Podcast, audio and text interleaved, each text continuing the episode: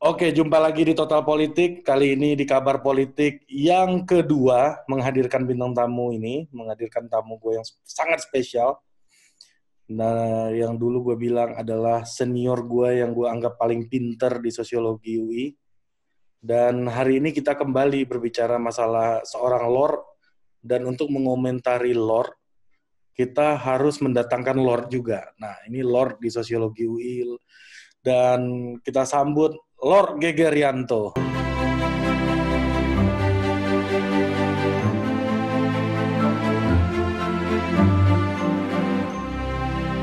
Terima kasih, Ger. Udah bergabung. Mungkin lu nggak ada lord-lordnya, bos. Nggak ada serem-seremnya. hmm. Gimana, Ger? Ya melihat respon video lu yang kemarin ternyata membuat orang cukup menggelegar gitu. Gimana uh, pandangan lu? Ya sederhana aja maksudnya kita ngomongin Lord gitu selagi Lord uh, nggak tahu ya dalam dua tiga bulan terakhir ini kan hits banget gue nggak berpikir kalau itu karena gue yang ngomong, tapi itu karena topiknya. Sebagaimana sebenarnya kayak apa ya? Kayak uh, itu aja lah, kayak tribun aja lah. Kalau hmm. tribun kan bukan karena lo ngeklik bukan karena tribun ya, tapi karena ya kata kuncinya kan. Nah, kan pria ini gitu kan pria ini uh, terlihat seperti Lord Luhut. itu klik karena itu ya karena gitu ya. dan beberapa kawan itu pengen menghadiahkan lu sebuah anugerah ger. Gue nggak tahu ini anugerah atau bencana untuk lu tapi ya terserah lu memaknai seperti apa. Okay. sebagai pengamat Luhut Binsar Panjaitan pemerhati. Pemerhati. Gue ganti apa topik disertasi gue dengan Lord Luhut. Gitu. antropologi terhadap Lord Luhut. Pemerhati Luhut Binsar Penjahitan pemerhati. Bukan pengamat pemerhati Gar gimana Gar enggak enggak enggak enggak mau menekuni topik penelitian gue sendiri gue udah mau kelar ini, udah mau kelar. Jangan tambah-tambahin lagi ya. Iya, nah, Ger, gue melihat begini, Ger, bahwa Lord Luhut ini gue merasa menjadi warna konservatif di dalam kubunya Pak Jokowi gitu. Selain ada anggapan orang juga Kiai Ma'ruf Amin kan konservatif Muslim Islam ya yang juga menjadi simbol gerakan 212 dulu waktu mencoba uh, apa upaya untuk menuntut keadilan gitu terhadap uh, sikap atau assault yang dilakukan oleh uh, Pak mantan Gubernur DKI Jakarta Pak Ahok gitu ya. Nah, sekarang sosok lainnya adalah Lord Luhut Binsar Panjaitan sebagai wajah konservatisme yang ada di kubu Pak Jokowi yang mana didominasi wacananya oleh orang-orang yang cenderung pikirannya sekuler gitu. Cenderung pikirannya lebih liberal gitu ya.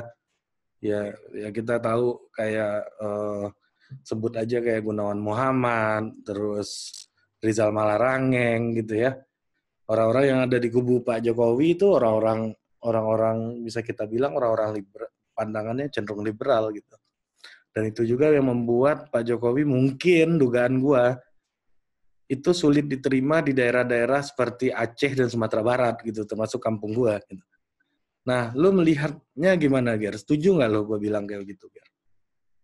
Apa? Lord Luhut sebagai itu ya. Nah, e, pertanyaannya adalah konservatifnya itu konservatif dalam hal apa? Kalau kita hmm. bicara dalam konservatif religius, ya e, gue sendiri ngelihat kalau Indonesia saat ini lagi itu kan bergerak ke arah sana jadi itu kalau kita lihat dari lanskap sosialnya ya uh, kita bisa lihat gitu kan kalau apa kalau ya lo bahkan lo mau milih lo ada di kubu mana pun lo mau ada di partai Golkar gitu lo mau ada di partai nasionalis lo nggak bisa enggak lo mesti itu uh, me, mesti merangkul diskursus konservatif hmm. diskursus bahwa misalkan yang menyatakan lo bukan LGBT gitu kalau nggak yeah. LGBT lo itu kalau lo nggak itu nggak mendukung peraturan kalau lo itu uh, kalau lo melarang LGBT di Indonesia lo ditunjuk LGBT jadi gue pikir nggak ada force saat ini di luar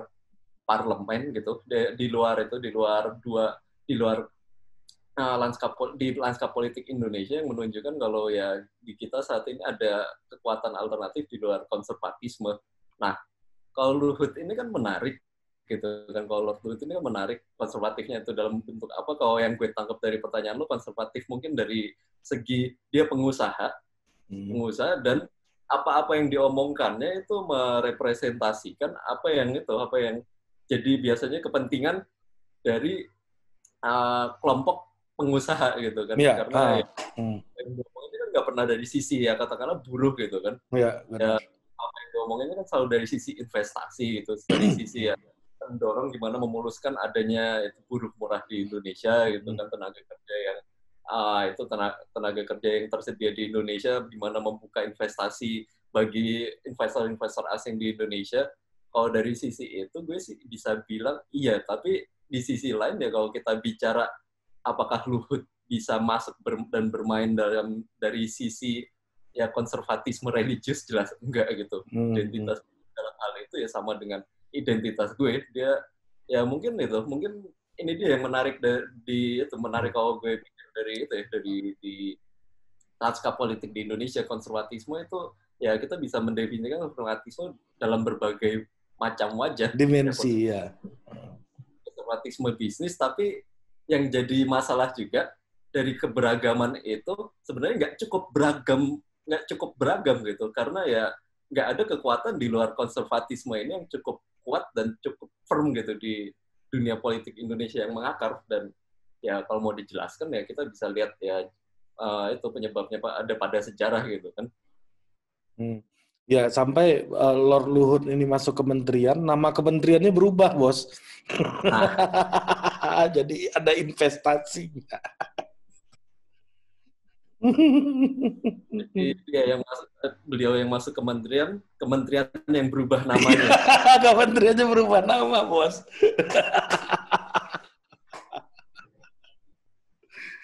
Kurang powerful apa coba, Ger? Orang ini, Ger. Dalam hal itu ya.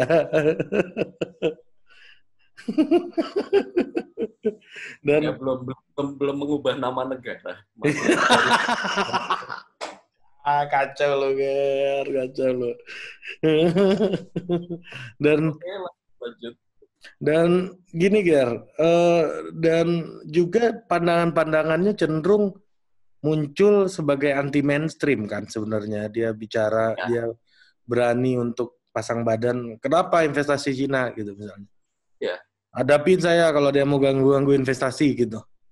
Sebenarnya ini yang menarik gitu dari Luhut karena itu kita bisa melihat kalaupun konservatisme itu nggak punya lawan politik dari yang lazim gitu kalau di negara-negara kita bicara negara Eropa gitu kan hmm. konservatif itu kan lawannya itu kelompok progresif. Ya, ya hmm. mungkin orang kan bilang kelompok kiri gitu kelompok yang ya representasikan buruh tapi kalau hmm. di Indonesia lawan dari konservatisme yang diwakili oleh Luhut ini justru populisme iya iya, iya.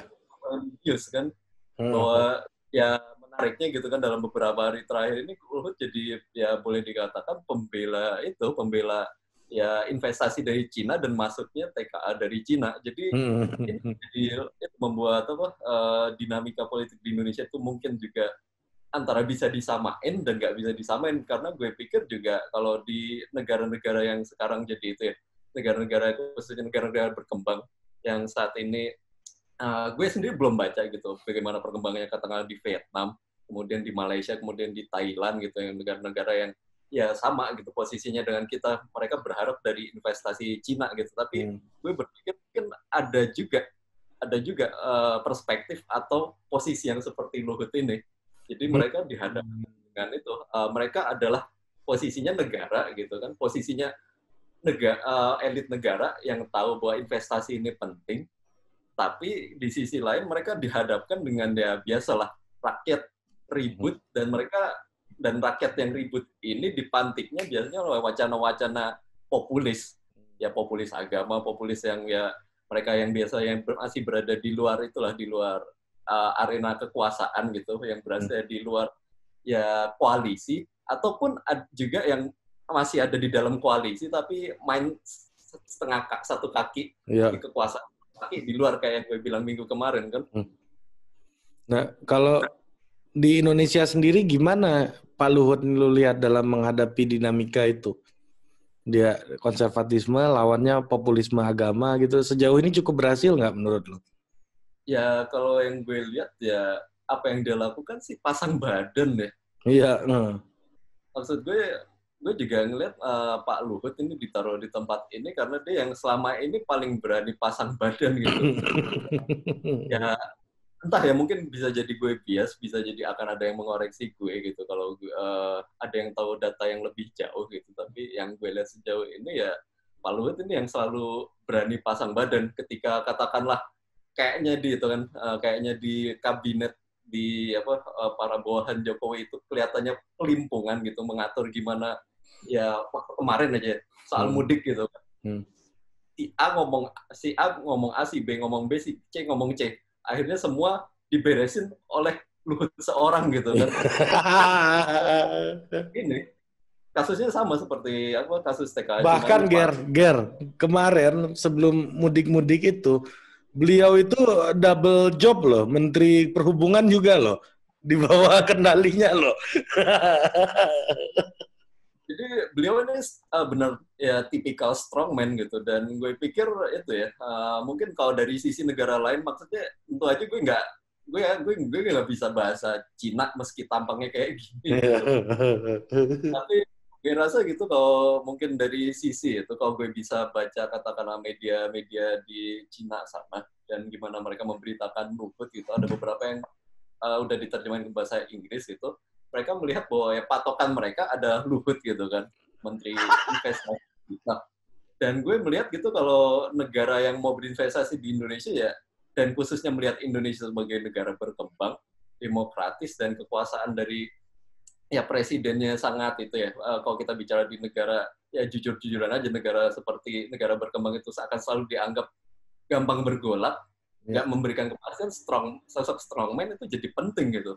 Okay. Jadi sosok strongman ini kemudian punya itu punya semacam reputasi kalau ya teori saya di antara itu di antara di antara ya negara-negara yang akan berinvestasi ini atau kelompok pengusaha yang akan berinvestasi. Oh, lu melihat bahwa Pak Luhut udah punya reputasi tersendiri di dunia internasional ya di kalangan CEO dan apa nama investor asing itu ya, Gere. Terutama Cina nih. Ya, kecurigaan gue Hmm. Gue sih berharap gue bisa berbahasa Cina ya dan melihat bagaimana diskursus di medianya, tapi yang gue lihat dari paling nggak ada satu dua pemberitaan gitu yang udah diterjemahin ke bahasa Indonesia ya mereka mereka yang mereka anggap sebagai hubnya gitu hub investasi di Indonesia ya nggak lain dari Luhut.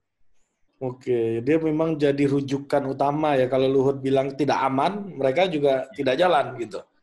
Iya, karena kan selama ini ya membingungkan gitu kalau mau mengurusi bisnis di Indonesia gitu. Lo nggak tahu mesti berpatokan ke omongan siapa kan. Lo masuk hmm. misalkan menggunakan kata-kata dari pemerintah pusat di bawah regulasinya macam-macam lagi dan lo nggak tahu gitu. Lo mesti berpatokan ke regulasi mana. Dan itu juga yang gue pikir maksudnya gue sendiri nggak setuju dengan RUU Cipta Kerja itu dengan RUU hmm, Om yeah. tahu itu. Itu pertanyaan gue selanjutnya tuh, tapi udah lo singgung lanjut aja lah tapi ya paling enggak kalau kita ambil dari sisi logika itu logika negara gitu itu yang berusaha mereka lakukan mereka berusaha untuk memangkas begitu banyak regulasi yang ada supaya ya ketika ada investasi masuk mereka nggak bingung gitu investasi investor ini nggak bingung oke okay. ya uh, artinya dia mau ada upaya meregulasikan luhut gitu ya menurut lu di dalam UU Cipta Kerja gitu menginstitusionalisasikan ya. Lord Luhut ini. Ini kan Lord Luhut aja yang main nih sekarang. Enggak ada bisa jamin-jamin kan kepercayaan investor ada di tangannya nih hari ini. Ya, gimana ya? Pasti Lord Luhut sekarang ini ya seberapapun kita mencerca beliau di media sosial ya, dia juga wajah kepastian gitu kan. Iya. Okay. Semua tunduk Iya, iya, iya. Ya. maksudnya kalau kita bicara dari segi kepastian, ketika dan dari kalau soal kepastian ini sebenarnya di kepastian yang diberikan oleh pemerintah di Indonesia itu sangat diuji oleh pandemi kemarin kan karena pandemi kemarin itu menunjukkan ketika pemerintah pusat punya respon seperti ini pemerintah provinsi pemerintah daerah itu responnya beda-beda lagi.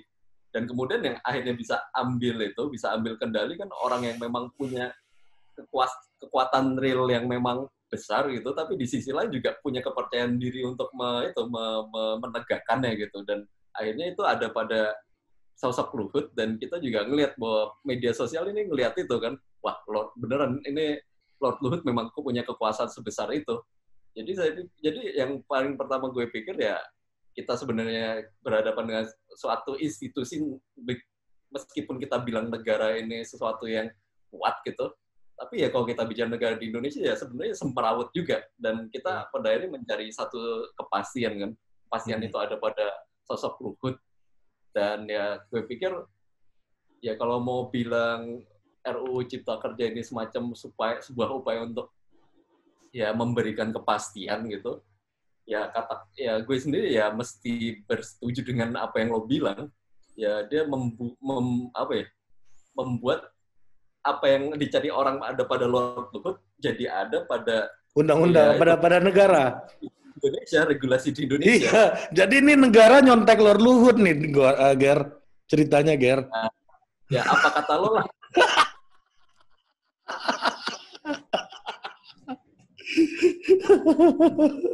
Iya, iya, iya. Ya begitu, Ger. Kalau gue ngelihatnya ya, ini negara lagi bingung, kok orang nggak datang-datang, Lord Luhut gampang aja ah ya udahlah kita bikin aja negara ini jadi kayak Lord Luhut gitu. Leta semua gitu loh yang dalam definisi yang baru gitu bukan bukan definisi Prancis gitu.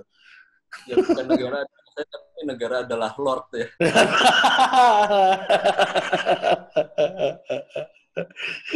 nah, Ger, kalau lu lihat, uh, apakah uh, pilihan untuk dia uh, Lord Luhut pasang badan untuk China itu sebuah sign bahwa ally kita itu adalah China. Atau memang ya. ada strategi lain gitu menurut lo? Ya gue sendiri nggak bisa menilai ini, ini lo mesti wawancara dengan pakar HI gitu hmm. kan. Hmm. Yang gue lihat gitu, ya selagi sekarang Cina itu, Cina Cina jadi kekuatan superpower baru, ya paling enggak mungkin Indonesia berusaha untuk memanfaatkan itu. Dan paling enggak kan kalau kita lihat dari investasi yang masuk ke Indonesia yang sejauh ini sudah yang sejauh ini itu sangat aktif dalam memberikan dana-dana pinjaman untuk pembangunan infrastruktur kan Cina. Karena dia juga ada kepentingan untuk membangun itu kan jalur sutra baru itu one belt one road itu. Hmm. jadi gue pikir ya uh, mungkin Luhut dalam konteks ini dia berusaha untuk itu uh, berusaha untuk yang main catur. Bedanya kita kalau minggu kemarin gue bilang catur gue bilang caturnya adalah catur pada panggung nasional ini caturnya pada panggung internasional lebih besar lagi. Hmm. iya gue nggak bisa gue nggak bisa menganalisis dengan detail tapi ya selagi maksudnya ada the rising power ini mungkin uh, ya para pemain politik di negeri kita juga berusaha untuk memanfaatkannya. Apalagi kalau ini nantinya berguna untuk itu ya memberi, membangun Jokowi sebagai sebuah monumen politik ini jadi itu ini jadi satu hal yang menarik lagi karena hubungannya adalah kemudian dengan sejauh apa uh, Jokowi sebagai sebuah brand ini mungkin untuk dibangun sebagai sebuah monumen politik yang itu monumen politik yang punya arti ke depan. Jadi minggu kemarin kan uh, dalam itu dalam dalam forum dalam itu dalam apa ya dalam talk show yang kemarin gue kan udah sempet bilang kalau ada kemungkinan Luhut itu akan ya mungkin akan itu dia akan mencoba mendorong salah satu dari keluarga Jokowi. Ya, ya ini belum jadi sekarang, tapi hmm. mungkin akan terjadi ke depan gitu untuk ya mencoba ya peruntungannya dalam dunia politik ke depan gitu. Kalau seandainya katakan brand Jokowi ini berhasil, brand Jokowi ini dibilang berhasil membangun uh, Indonesia dari Sabang sampai dengan Merauke gitu, membangun infrastruktur di mana-mana berkat bantuannya Cina, kemudian berhasil mem membangun ekonomi Indonesia dengan bantuan ya kekuatan global juga ya nantinya brandnya akan lebih baik dan bisa dimanfaatkan oleh ya siapa pun yang mau memanfaatkan itu ke depan ya. Kita bisa menyangka ya mungkin anaknya gitu kan. Jadi ya nggak tahu. Kalau gue sih ya membacanya sih baru sejauh itu. Oke, Ger, ini ada isu terbaru lagi ini Ger minggu-minggu ini Ger. Jadi para pendiri Partai Demokrat gitu ya mengadu hmm. kepada Luhut soal legalitas ketum AHY Ger. Nah, ini ada apa nih kok tiba-tiba Partai Demokrat ngadu ke Luhut? Ini Menteri Investasi, Ger. Nggak punya parpol. gitu. Ini, ini gimana lu menilainya, Ger? Ini rumit ya. Ini rumit gitu. Gue sendiri nggak tahu apa sih apa yang ada di balik seperti itu, di balik hal semacam itu. Tapi uh, paling enggak gitu kan kalau yang random gue... bukan bukan aja rumit ger. Random ger. Nggak pernah jadi kader demokrat. Nggak ada urusan. Ya maksudnya itu itu menunjuk menyimpulkan gitu seberapa jauh Luhut itu dilihat sebagai strongman-nya politik Indonesia sekarang. Bahwa orang itu kemudian nggak mengadunya ke ya bahkan ke menteri yang berwenang gitu kan. Waktu kalau nggak salah beritanya harusnya ke itu kan. Uh, mereka juga mengadu ke Yasona Lauli juga. Iya juga tapi Luhut juga. Ya, ini apa nih kalau kalau Yasona masih make sense lah. Ini ke Luhut oh. juga Ger. Ya sejauh yang gue gue bisa lihat mungkin itu apa mungkin Demokrat mau ya bersilaturahmi gitu kan dengan Luhut gitu. Yang mana ya itu kalau kita bicara kalau kita bicara kekuatan besar di itu di dalam dunia politik Indonesia sekarang ya memang pada kenyataannya ada dua. Satu direpresentasikan oleh Yasona Lauli gitu PDIP dan satu lagi ya uh, kekuatan yang sebenarnya yang itu uh, boleh dibilang backingan politik backingan politik partainya itu juga ya agak abu-abu ya Pak Luhut ini jadi ya mungkin Demokrat juga berusaha untuk main aman gitu anjang hmm. sana anjang sini ya semua lubang coba dimasukin dan hmm. ini juga menunjukkan gue pikir itu ya kultur politik dan bukan cuma politik tapi sosial di Indonesia yaitu kalau kalau itu kalau datang ke yang pegang kekuasaan langsung yang pegang keputusan langsung semua bakal beres. Yang di bawah bakal semua dimandatin untuk beresin apa kata bapak dan ya itu dia. Habis itu ya semua bakal lancar. Gue pikir itu menunjukkan itu ya paradigma paradigma kehidupan paradigma politik dan paradigma bahkan sosial kita gitu. Iya. Ini random banget sih Ger. Tapi ya ini menunjukkan kekuatan beliau hari ini gitu ya. Bahwa ya di di dunia perbegawanan kan semuanya cium tangan beliau gitu kan. Bahasa lainnya kayak gitu kan. Ya siapa pun itulah kalau kita bicara gitu kan. Uh, ya mau itu pebisnis, mau itu politisi, mereka kan sebenarnya butuh butuh kepastian. Mereka butuh seseorang yang bisa menjamin ya itu menjamin uh, ketika mereka mau ya ketika pengusaha mau berbisnis mereka berada mereka meminta izin kepada orang yang tepat nggak dirusuhin lagi di bawah gitu kan. Dan hmm. gue pikir ya Luhut ini menyimbolkan kepastian itu. Produced by Total Politik and powered by haluan.co